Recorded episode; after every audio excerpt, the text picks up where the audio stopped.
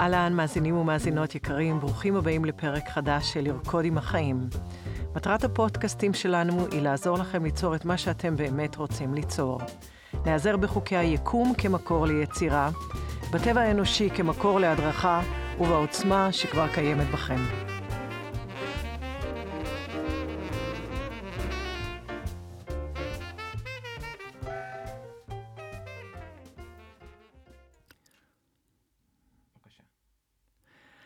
תמי נורה, מורה רוחנית 30 שנה בארץ ובעולם, ותלמידה של החיים המופלאים כל יום. מחברת הספר לרקוד עם החיים, שחקנית וזמרת.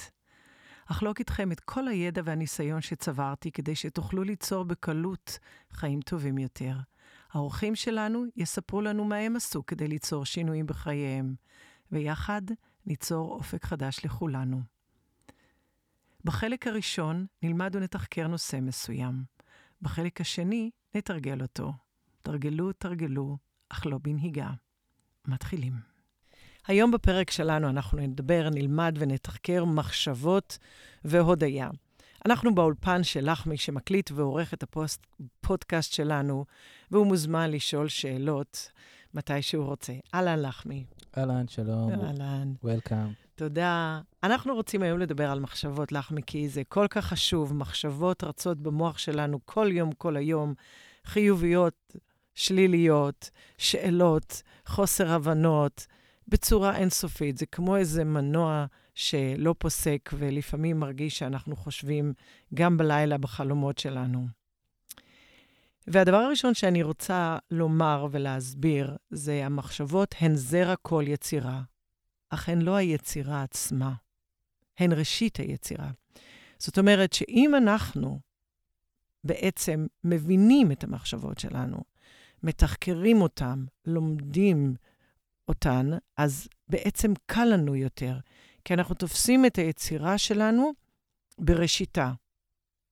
זאת אומרת, אנחנו חוסכים לעצמנו הרבה כאבי לב, בזבוז כסף, אה, קשיים, בכי, מחלות, אם אנחנו מבינים את הנושא הזה. ואנחנו נתחיל בו היום, אנחנו בטוח נחזור אליו בהמשך, אבל אני רוצה לתת פה כמה עקרונות וכמה דוגמאות בכדי שאנחנו נוכל להתקדם לכל יצירה שלנו. המחשבות שלנו, בין אם במודע או בתת-מודע, הן, תיצ... הן תיצורנה אה, רגש, הן תיצורנה חוויה, ואחר כך הן תיצורנה התנהגות. לכן הן כל כך חשובות. אם המחשבות הן חיוביות, אתה יודע, אין לנו בעיה איתן. אם אנחנו חושבים שאנחנו נהדרים ואנחנו נצליח, מה הבעיה? הכל טוב. זה חיובי, זה מזיז אותנו קדימה, זה נותן לנו אנרגיה ותחושה שאפשר לעשות את מה שבא לנו, מה שאנחנו רוצים, מה שאנחנו צריכים לעשות. אך אם הן שליליות, כדאי לנו שנזהה אותן ונתחקר אותן. כמובן שאנחנו לא יכולים לתחקר משהו לפני שזיהינו את המחשבות, אבל אנחנו נצטרך קודם כל להתבונן על המחשבות שלנו וללמוד מה אנחנו חושבים. אנחנו לא נותנים את הדעת על זה.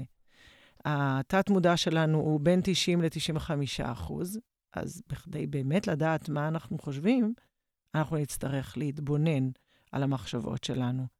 לפני שנזדהה, לפני שנפחד, לפני שנחוש אשמה ובושה. למשל, אנחנו יכולים לקחת דוגמה של מחשבה שלילית, אה, אני לא יכול אה, לעשות את הפרויקט הזה. אה, הם לא רוצים שאני אבוא למסיבה הזאת. והדבר הפשוט והראשוני שאני כבר רוצה להגיד, אנחנו תמיד צריכים להיות עם איזשהו ספק, עם סימן שאלה, ולשאול את עצמנו, האם זה נכון? האם זה נכון שאני לא יכול לעשות את הפרויקט להיות אבא טוב? האם זה נכון שאני לא אצליח בבחינה? אנחנו לא יודעים את זה. אנחנו מאמינים מהר, ויש פה איזשהו אוטומט, אוטומט ואנחנו רוצים להבין למה יש בכלל את האוטומט, ולמה אנחנו לא מערערים על המחשבות שלנו וחושבים שהמחשבה היא דבר קבוע והמצב הזה הוא לא נכון. המחשבות שלנו הן לא דבר קבוע. למעשה, הדבר הכי חשוב שאני רוצה לומר, זה שאנחנו לא המחשבות שלנו. מחשבה זה משהו שיש לנו. אני, אני מנסה להבין את זה טיפה יותר לעומק. מה זה אומר אני לא המחשבות שלי?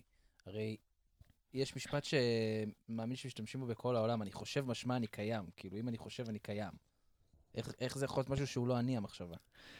נכון, אני שמחה שהעלית את זה. זה נושא מאוד חשוב שגם אני בעצמי תחקרתי אותו. המשפט הזה, אה, אמר אותו הפילוסוף הצרפתי אה, דקארט, והמשפט הזה הובן לא נכון. אה, דקארט חי בצרפת במאה ה-17, והוא כותב, אני חושב משמע אני קיים, במאמר שלו, על המתודה שלו בעצם, זה דבר מאוד מאוד חשוב. אני למדתי והתבוננתי וקראתי את התרגום של אה, יוסף אור, שזה בהוצאת האוניברסיטה העברית, ואני רוצה לצטט מה שכתוב שם. בעצם דקארט אומר, אני הוא החושב. זה שאני מצליח לחשוב, מראה שיש אותי. אני נמצא. זאת אומרת, הוא שמח לגלות שיש משהו אחד שהוא קבוע כל הזמן, זה שהוא קיים, ואיך הוא הראה את זה? זה עצם זה שאני חושב, אני מתבונן על המחשבות שלי, והמחשבות שלי משתנות, אבל אני נשאר כל הזמן. זאת אומרת, כל הפילוסופיה שלו וכל האמירה הזאת בעצם נשענה על החושב, על הקיים, על הקבוע, ולא על המחשבה עצמה. עכשיו, הציטוט המדויק יותר מצרפתית, הוא חושבני, משמע הנני. חושבני, זאת אומרת, אני חושב. הפוקוס הוא על אני. והיום אני יכולה להגיד, אה, אני מרגישה משמע הנני, כי גם הרגשות שלי הן לא אני, הן בעצם נובעות מהחשיבה שלי, כי המחשבה תיצור את הרגש. עכשיו, אם אנחנו מבינים שדקארט לא התכוון לזה, אז קל לנו יותר לשחרר את המחשבות שלנו אחרת. אם באמת אני אמשיך להאמין, גם אני האמנתי למה שאתה אומר בעבר, ואמרתי, וואו, המחשבות שלי ממש מעידות על זה שאני קיימת. עכשיו, אם אני חושבת את זה, ואני רוצה להיות קיימת, ובני אדם, אנחנו הישרדותיים, ברור שאני לא ארצה להיפרד מהמחשבות שלי, כי אני ארצה להיות קיימת. זה מין אוטומט כזה שיש לנו בתת-מודע, שעושה את המתמטיקה הזאת, ולא בא לנו להיפרד מהמחשבות שלנו. אבל לא לזה הוא התכוון. הוא התכוון על עצמו, שהוא קיים, ובדיוק בזה אנחנו עוסקים. ואנחנו רוצים להתבונן על המחשבות ולהפריד אותן מאיתנו, בכדי שאנחנו נוכל ליצור חיים טובים יותר, ולא לקבל אותם כגזר דין, שלא לדבר שאנחנו בכלל לא יודעים ולא מזהים את המחשבות שלנו. ופה מתחיל כל הבלגן שלנו. של יצירה לא נכונה, של לא מגיעים ליעד שלנו, של חוסר יכולת להחלים, לדאוג לעצמנו ובעצם לשרוד, ובסוף גם להיות שמחים ומאושרים. אנחנו לא באנו לפה לאיזה עבדות, ובאמת כולנו, כולל אותי, כל הזמן מנסים ללמוד את זה, ולכן הנושא הזה הוא מאוד חשוב. האם זה ברור יותר? כן, האמת שזה נותן אה, אור אחר על המשפט, אין ספק. כן. הוא נראה לי טיפה יותר הגיוני. כן. אה, זה גם תורגם מצרפתית, אז אפשר להבין. והבנו מה שהבנו, וזה גם התחיל במאה ה-17, אז לא הבנו הרבה, וכולנו כבני אנוש התקדמנו, ואנחנו אה, יכולים להסתכל על זה אה, באור אחר. וזה אומר שעכשיו אנחנו יכולים להתחיל להתבונן על המחשבות שלנו, כי זה בעצם מה שהוא הבין. שבעצם זה שהוא צריך להתבונן על המחשבות שלו, הוא הבין שהוא קיים, המתבונן. ועמדת המתבונן זה אחד הדברים הסופר חשובים. אנחנו לא ניכנס לעומק של זה כרגע, אבל אנחנו בטח ניגע בזה בהמשך, כי זה האני הקבוע שכל הזמן נמצא איתי כשאני חושבת על הילדות שלי, וכל אחד מהמאזינים יכול לעשות את זה כרגע, וגם אתה, לחמי. אנחנו חושבים על הילדות שלנו, יש רגש מוכר, שהוא אותו רגע שיש לנו כרגע. אותו רגע שהיה לנו כשהתגייסנו, כשהתחתנו, אה, כשנעלבנו. יש משהו, איזשהו קו שאני אומרת, זאת אני. הילדה הקטנה הזאת, התמי הזאת, זאת אני. למה? כי זה אותה חוויה של הנני, אותה חוויה של המתבונן, אותה חוויה קבועה של האני הגבוה, שנמצאת בתוכנו כל הזמן. אנחנו מצליחים איתה לחיות, היא הקבועה, היא המתבוננת על המחשבות, על הרגשות, ולכן יש לנו כל כך הרבה עוצמה לשנות את החיים שלנו. אז אנחנו באיזושהי הסכמה שאנחנו לא המחשבות שלנו ואנחנו מתחילים להתבונן בהן. אז אני אמשיך עוד טיפה ואני אוסיף עוד על הנושא הזה, ואני אומר, רוב המחשבות הן בכלל לא שלנו. הם ירושה שקיבלנו מההורים שלנו, מהסביבה, מהמורים, מהתרבות, ממה שראינו היום, מסרטים וכולי. עוד דבר, רוב המחשבות והדעות שלנו הן משתנות, הן מתחלפות, באות והולכות, והן הופכות לפעמים להיות לא רלוונטיות, הן זמניות, באות והולכות. האמת שזה ממש מזכיר לי משהו שקראתי בספר שלך, כן. שכתבת ש... שאנחנו השמיים והמחשבות הם עננים. זאת אומרת, שמה שאמרת שהן מתחלפות ומשתנות ללא הרף. בדיוק, בדיוק. זה, זה דימוי שאני מאוד אוהבת אותו, כי אנחנו השמיים, אנחנו הדבר העצום הזה, ההוויה הזאת, שהחיים האלה שפועמים בתוכנו, ויש לנו מחשבות, כמו שיש עננים. העננים באים והולכים, אבל השמיים שם. אנחנו גם אוהבים לסמוך על זה שהשמיים יהיו שם, נכון? אנחנו לא רוצים לקום בבוקר ושאין שמיים. למרות שהשמיים זה דימוי, כן? אבל אנחנו רוצים את הוודאות הזאת, ואם נצליח לאמץ את הדימוי הזה, זה מאוד יעזור לנו. זה מרגיע, יש חלק קבוע. אז המחשבה באה והלכה, שינינו את הדעה הפוליטית שלנו, אנשים שאהבנו, אנחנו לא אוהבים, אנשים שלא הסכמנו, פתאום אנחנו מסכימים איתם. צריך להבין לא לתת כל כך הרבה פוקוס, למרות שמחשבה היא זרע היצירה. אה, עכשיו, בגלל שהיא זרע היצירה, היא הפכה להיות כל כך חשובה. זאת אומרת שאני רוצה להוציא את המוץ מהתבן. אני רוצה לברור את המחשבות שלי ולבחור. איזה כיף, עכשיו אני מבינה שאני יכולה לעשות את זה. וואו, זה ישועה. אני לא קורבן למחשבה שרצה לי בראש. המוח שלי הוא קומפיוטר, הוא עובד בשבילי. הוא שמח לעבוד בשבילי. אני הגבוה, התודעה הגבוהה, אני הקבוע, אומר לו מה לחשוב, אבל אנחנו צריכים לדעת לעשות את זה, להגיד למוח מה לחשוב, אנחנו צריכים להבין מה אנחנו חושבים קודם כל, בכדי לא לחשוב את זה. ויש עוד דבר, יש לנו גם מחשבות מנוגדות, אני אוסיף לרשימה הזאת. המחשבות לא שלנו, הן משתנות, הן מתחלפות, הן מנוגדות, הן לא ברורות, ואנחנו תופסים אותן ומחזיקים אותן כאילו איזושהי תורה מסיני, שאי אפשר בכלל לזוז, ויוצרים לנו איזושהי מציאות שהיא מאוד מקשה עלינו. זאת אומרת, לסיכום של החלק הזה, אם אפשר להסכים על זה, אנחנו נגיד ש... אנחנו לא חייבים להאמין לכל מחשבה שעולה בראש שלנו, וזה השלב הראשון. עכשיו, למה זה עוד חשוב? ברגע שאנחנו מתחילים לדלל את המחשבות מהראש שלנו, מתחיל להיות איזשהו space, ולא טה-טה-טה, אתה יודע, יש רגעים שאנחנו מרגישים שאנחנו חושבים בקדחתנות. ויש רגעים שאנחנו חושבים קצת פחות. אז אם אנחנו מצליחים להוריד את המינון של המחשבות שלנו, נוצר איזשהו שחרור, איזשהו אוורור כזה בתוך המוח שלנו, מהמוח החושב הזה, ואז מתחילה להיות יותר מודעות. והמודעות הזאת בעצם מצליחה להתבונן על המחשבות ולזהות אותן. כאילו, כמו שיש לנו מחשב ואנחנו רוצים לנקות אותו, אבל אין כבר מקום לפעול בתוך המחשב בכדי לנקות אותו, ככה נראה המוח שלנו, כשאנחנו חושבים בקדחתנות, ואין לנו יכולת להוריד את המינון של המחשבות. אז אם לא נאמין לכל מחשבה, כמובן בתור תהליך שנזהה אותן ונתחקר אותן, אז השקט הזה מאפשר לנו בעצם להתחיל להתבונן על מה אני חושב. מה קורה פה בתוך המוח שלי? זאת אומרת שיש פה בעצם שניים, אפשר לומר. יש אותי, האני הקבוע הזה, התודעה הגבוהה, ויש את המחשבות שלי. אז בעצם יש פה, יש פה שתיים ב, במשחק הזה. כן. יש... החלק הקבוע, האני הזה, המחשבות שלנו זה דבר ברור לנו. אני חושב.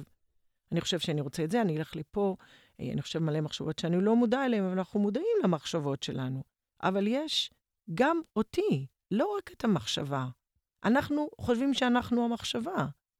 אותי זה האני הגבוה שמתבונן המחשבות, האני הקבוע הזה, שאני זוכרת את עצמי בגיל חמש. אותו אני קבוע שחי בתוכי, שפועם בתוכי, הוא מתבונן על המחשבות, הוא לא יכול להיות גם המחשבות. יש פה שניים. אני מתבוננת על המחשבות ואני מספרת לך מה אני חושבת. תוך כדי זה שאנחנו מדברים, גם אתה חושב, ואתה מספר לי מה אתה חושב. אז אתה לא יכול להיות המחשבה, נכון? נכון. אוקיי? אז זה השניים, אז זאת התודעה הגבוהה, הנצחית, שנשארת שם כל הזמן. וכל הזמן היא מצליחה להתבונן לא רק על המחשבות, הפרק שלנו היום על המחשבות, אבל אתה גם מתבונן על תנועת הגוף שלך, אתה מתבונן על הרגש שלך, אתה מתבונן על הרצונות שלך. כל זה האני החכם, הגבוה, האני הקבוע, ההוויה, התודעה, הנשמה, יש לזה הרבה שמות, אבל המשהו האנרגטי הזה, שהוא לא פיזי ואי אפשר אפילו לגעת בו. אז איך התודעה בעצם עושה את זה? איך היא מתבוננת? בוא ניקח דימוי. בוא ניקח פרש שיש לו שני סוסים. נגיד שאתה הפרש. אתה התודעה הגבוהה. יש לך שני סוסים, מחשבות שליליות ומחשבות חיוביות. המחשבות החיוביות הן סוס לבן, והמחשבות השליליות הן הסוס השחור. אתה לא המחשבות השליליות ולא החיוביות, אתה הפרש, ואתה יכול להחליט לאיזה סוס לתת להוביל אותך. לאיזה מחשבות אתה תיתן את הזכות להוביל אותך למחשבות החיוביות, קרי לסוס הלבן, או למחשבות השליליות, לסוס השחור. למשל, ביקורת זה סוס שחור. אם יש לך פרגון, זה סוס לבן. זה, אתה צריך לראות אותך יושב על כמו עגלה עם סוסה כזאת, ויש לך אבל בעצם שני סוסים, ואתה נותן לימין או לשמאל. לאן אתה, לאן אתה רוצה ללכת? זה כמה עוצמה יש לנו. בתוך הדבר הזה. אז אנחנו יכולים להחליט, אנחנו יכולים לנהל את המחשבות הרב-גוניות שעולות בלי סוף, בגלל שאנחנו לא המחשבות שלנו. אנחנו הפרש, הפרשית. מעניין מאוד. Uh, המחשבות, uh, חוץ מלהיות שליליות או חיוביות, הן גם, גם יכולות ללמד אותנו, להזהיר אותנו. לא יודע אם הייתי עושה דימוי כל כך uh, שחור-לבן, מה שנקרא. כן. תראה, מחשבות הן חשובות. אך לא כולן נחוצות לנו. רובן מסתמכות על העבר ועל העתיד, הן חוזרות בלופים, רובן הן בתת-מודע. אנחנו רוצים לחשוב, אבל אנחנו לא זקוקים לתקליט השבור הזה שחוזר בלי סוף. תראה, מחשבות שליליות, בעצם, אם נתבונן עליהן לרגע, הן מספרות לנו על העבר, מה היה לנו, ואיך אנחנו לא רוצים שזה יקרה. והמחשבות על העתיד מספרות לנו, אנחנו פוחדים שלא נקבל את מה שיש לנו, או שיקחו לנו את מה שיש לנו. תחשוב, כל המחשבות השליליות הן בעצם שייכות להישרדות. אם יש לי ילדים שלא יקרה להם שום דבר, ואם יש לי כסף שלא ייקחו אותו, ואם אני צעירה, אז אני צריכה לראות, הלוואי שיהיה לי ילדים, ואולי אני אה, אה, אולי אני לא אמצא מישהו שאני אתחתן איתו, או עבודה שאני אצליח בה, או אני בעתיד לא אצליח להחלים את עצמי. כל המחשבות השליליות, אנחנו צריכים לקחת רגע ולהתבונן בהן, הן מספרות על העבר ועל העתיד. עכשיו, החיים קורים רק בזמן הווה. איך המחשבות יכולות להעיד על משהו אם הן אפילו לא נכנסות לזמן הווה? הן לא יכולות להיכנס לזמן הווה. זאת אומרת, איזה ערך יש להן? מה הן, מה, מה הן מספרות לי? עוד פעם, מה היה, מה היה, ואיך אנחנו, כשאנחנו כועסים על מישהו, או פוחדים, או מתרגשים, וואי, וואי, וואי, מה יהיה, מה יהיה, ואיך אני אצליח, וואי, ואיזה באסה, מה הוא עשה לי, מה הוא עשה לי, ומה אמרתי, ומה אמרתי, ולמה עשיתי את זה, ולמה, ורגשות אשמה, ובושה. מי צריך את המחשבות האלה? לאן הן, לאן הן מכוונות אותי?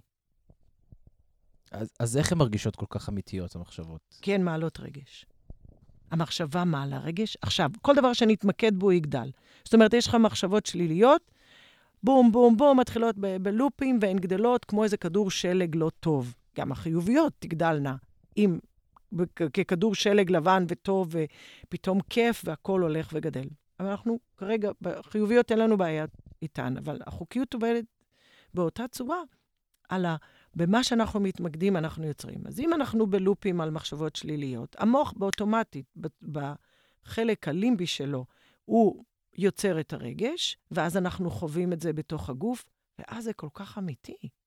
ואנחנו אומרים, אבל אני הרגשתי את זה. מה זה הרגשתי? הרגשתי על פי רוב, זו תוצאה של חשיבה. אז זה מרגיש כל כך אמיתי, ואז אנחנו פוחדים אה, לעשות משהו אחר או להתנגד לזה. אנחנו מאמינים לסבל הזה, וכך אנחנו בלופים, דבר אחרי דבר. עכשיו, כולם עושים את זה, זה נראה טבעי. מה הבעיה? כולנו בתוך הקלחת הזאת, בתוך הדרמה הזאת. אז אנחנו רוצים לזהות בראשית היצירה, בכדי שלא ניכנס אפילו ללופים האלה כל הזמן. אוקיי, אז זה מתחיל להישמע יותר ויותר פרקטי. אז אם אני מזהה חשיבה, מחשבה, סליחה, מחשבה שלילית, אז איך אני מפוגג אותה בעצם? עצם ההתבוננות, אנחנו מתחילים לפוגג אותה. כן, אנחנו מפעילים פה את חוק הסינתזה. מי שמתבונן זה האנרגיה הגבוהה של האני הקבוע שלנו, האני הפנימי. הוא מתבונן על המחשבה. הוא מתחיל לזהות שיש מחשבות שליליות וחיוביות. יש מרחק ביני לבין המחשבות השליליות שלי.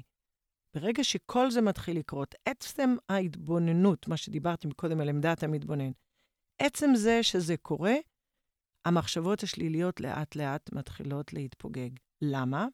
כי הרטט הגבוה מתמיר את הנמוך. בעצם הוא משנה אותו. הרטט הגבוה של האני הפנימי, החיים שפועמים בתוכי, הם הרטט הכי גבוה שיש. אין, ההרגשה הזאת, האנרגיה הזאת שמתבוננת על מחשבה שלילית, שהיא רטט נמוך, היא מתמירה אותה. זה כמו שאתה נכנס לחדר, מדליק אור, והחושך יוצא. זה חוק הסינתזה. הוא פועל למען אחדות, ובעצם הוא הופך את המחשבה השלילית לקטנה יותר, שהיא מגיעה בתד... בתדירות רחוקה יותר. זאת אומרת, לאט-לאט יורד הלחץ הזה, העומס הזה, מעצם ההתבוננות. הדבר השני שאפשר לעשות אותו, זה בעצם תחקיר קצר למחשבות שליליות. זהו תרגיל שפיתחתי, שמבוסס על חוק הסינתזה, בכדי שאנחנו נוכל באמת לראות את המחשבות שלנו על כף היד במרחק מאיתנו, ונתחקר אותן. קשה לעשות את כל התרגיל פה בפודקאסט, כי הוא מצריך התבוננות, ובעצם הוא כתוב בצורה מפורטת בספר שלי, ובגלל שהוא כל כך חשוב, עשיתי וידאו כדוגמה, שאפשר בעצם עם ברקוד אה, להקפיץ אותו מתוך הספר ולראות אה, דוגמה של התרגיל. אבל מה שכן, היום אנחנו יכולים לקחת חלק מהתרגיל. והחלק הזה הוא, אחרי שאנחנו מזהים את המחשבות השליליות, אנחנו רוצים בעצם לערער על אמיתותן. אנחנו בעצם רוצים לשים סימן שאלה ולשאול האם זה נכון. אם אני חושבת שאני לא אצליח במבחן, זה המחשבה אומרת את זה. אז אני שואלת, האם זה נכון? הרי עוד לא היה המבחן. מה המחשבה היא נביאה? מאיפה היא יודעת את זה? בואו רק נעשה את השאלה הזאת ונעצור לרגע ונעמיד את זה בספק, את המהירות של השפיטה שלנו, של הביקורת, של הבושה, של האשמה. המהירות הזאת שאנחנו הולכים לשם באמת הורס לנו את החיים. זה לא, זה לא צחוק, זה אמיתי. האם זה נכון? אולי אני לא אקבל תשובה. אבל אני אעצור את הג'ננה הזאת של הטה-טה-טה-טה-טה-טה, אני לא אצליח, אני לא אצליח, וואו, וואו, אני לא אצליח, הלוואי, הלוואי, הלוואי, שאני... אנחנו מכירים את זה. או למשל, אני לא יכולה לעשות את הדבר הזה, אני לא אקבל את העבודה הזאת. האם זה נכון? אנחנו לא יודעים את זה. אז התחקיר הזה, החלק של התחקיר, הוא החלק הראשוני, הוא מאוד עוזר לנו לעצור. ואנחנו באמת רוצים לשאול את עצמנו, איך מחשבה יכולה לדעת? היא מחשבה בסוף היום, היא לא אלוהים. זאת אומרת שאנחנו בעצם רוצים להסתכל, אם אני ארצה לסכם את זה רגע ולאסוף את הכל, זה להגיד, אנחנו רוצים להתבונן על המחשבות שלנו, ואחר כך לשאול האם זה נכון. רוצים לזהות אותם, לתחקר אותם אחר כך, קודם לזהות ואחר כך לתחקר. וזה בעצם אה, עוזר לנו להיפרד טיפה מהמחשבות השליליות, בכדי שאנחנו לא נטבע בהן עכשיו. רק ההבנה הזאת אה, מצליחה לפוגג את כל הפחדים שנוצרים בעקבות הכדור שלג הזה, שהוא לא פוסק. כי אנחנו, בעצם מחשבה, סליחה, היא זרע כל יצירה, ואנחנו יכולים לקטול את הזרע הזה לפני שהוא גדל. מדהים. אז מה, מה שהבנתי בינתיים זה שקודם כל הפרדתי את המחשבות ממי שאני. מחשבות זה דבר אחד ואני זה דבר אחר, ואני יכול להתבונן עליהן, זה בעצם ההפרדה הזאת. שאנחנו מדברים עליה. אה, ומחשבות שליליות, אני יכול לתחקר אותן. כל זה מדהים. השאלה שלי היא בקשר לשם של הפרק, הרי קראנו לפרק מחשבות והודיה, אז איך הודיה קשורה למחשבות בכלל? כן. קודם כל, הודיה כשלעצמה היא מחשבה. אה, ואני אומר שהודיה גם שייכת למעגל מקדמי היצירה בספירלת היצירה. המאזינים החדשים, זאת המתודה אותה פיתחתי, שיש בה את חוקי היקום והטבע האנושי וכלים שעוזרים לנו ליצור. מה שדיברנו עד הרגע לגבי מחשבות, זה שאנחנו בעצם יכולים לפוגג אותן. זו דרך אחת להסיר או להזיז. דרך אחרת לעזור לעצמנו היא בעצם להכניס מראש למוח שלנו לחשוב מחשבות שהן חיוביות. עכשיו, כמובן שאנחנו יכולים לחשוב, אני שווה, אני יכולה, יש לי עוצמה, אני מוצלחת, אני אקבל את התפקיד, אני אצליח, אני אחלים. אנחנו יכולים לעשות את זה, וזה מדהים כשלעצמו. ואני בחרתי היום שנתמקד דווקא בהודיה, בדיוק על אותו פרינציפ. אנחנו רוצים להתמקד במה כן. עד לפני רגע התמקדנו במה אנחנו לא רוצים, ובעצם פגשנו את המחשבות. המפגש עם המחשבה פוגג אותה. אני חוזרת לחלק הראשון. המפגש הזה. ופה אני לא רוצה להיפגש עם המחשבה ש... שהיא שלילית. אני רוצה להיפגש עם המחשבה החיובית. אני, אם ניקח את הדימוי של הפרש והסוסים, אני לא רוצה להחזיק את הסוס השחור שלא ילך. אני רוצה לתת לסוס הלבן שירוץ. אז אני מריצה בתוך הראש שלי הודיה למה שיש לי, שתעלה בתוכי שמחה. ואז המוח שלי תפוס בדברים שאני החלטתי מה לשים בתוך הראש שלי. לא אוטומטית זה קופץ. ואני מחליטה להיות בהודיה על מה שיש לי, לא משנה כמה שזה קצת. אפילו זרע אחד יכול ליצור בסוף היום יער שלם, או מטע שלם. זרע אחד. אז ההודיה היא מקום של להתמקד בו. עכשיו, למה בחרתי הודיה? אה, הודיה היא ברטט מאוד גבוה, כמו שמחה, כמו אהבה. היא ברטט מאוד גבוה, וברגע שאנחנו ברטט גבוה, אנחנו נכנסים למקום שבו קל לנו יותר ליצור. אני קוראת לזה שדה היצירה. אם אנחנו ברטט נמוך, אנחנו בכעס, בפחד, בעצבים, בנקמה, בשנאה, באשמה, אנחנו לא יוצרים. אנחנו יוצרים כברירת מחדל מה שיצא. אבל אם אנחנו באמת רוצים ליצור דברים משמעותיים ולהתקדם, ולא רק לשרוד, אנחנו צריכים להיות ברטט גבוה, והודיה היא ברטט גבוה. ברגע שאני בהודיה על משהו, אני בעצם מגדילה את הדבר אותו אני מקבלת. אם אני בהודיה על החברות שיש לי עם מישהו, החברות הזאת גדלה על הבית שלי, על המחשבות שלי.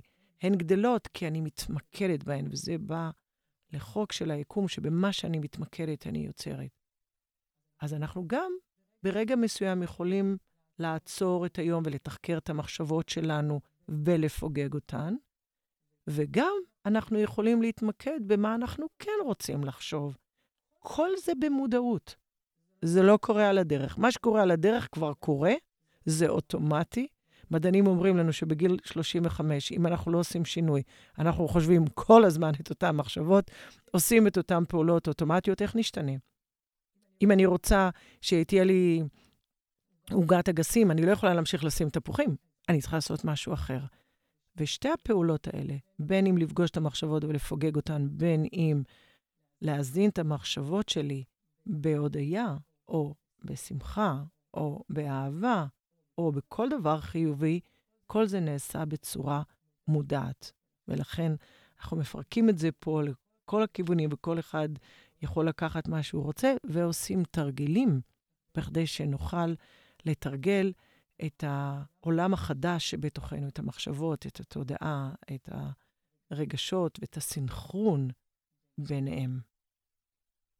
וזה בעצם יכול להוביל אותנו אה, לתרגיל שלנו, שהוא תרגיל אה, הודיה, ב- ב- בהמשך ל- למחשבות שלנו.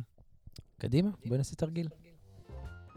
תודה שהייתם איתנו. אתם מוזמנים לכתוב לי בכל המדיות החברתיות ובאתר שלי, taminora.com, ולשתף את הפודקאסט עם כל מי שאתם חושבים שהידע הזה יכול לתרום לו. להתראות בפרק הבא.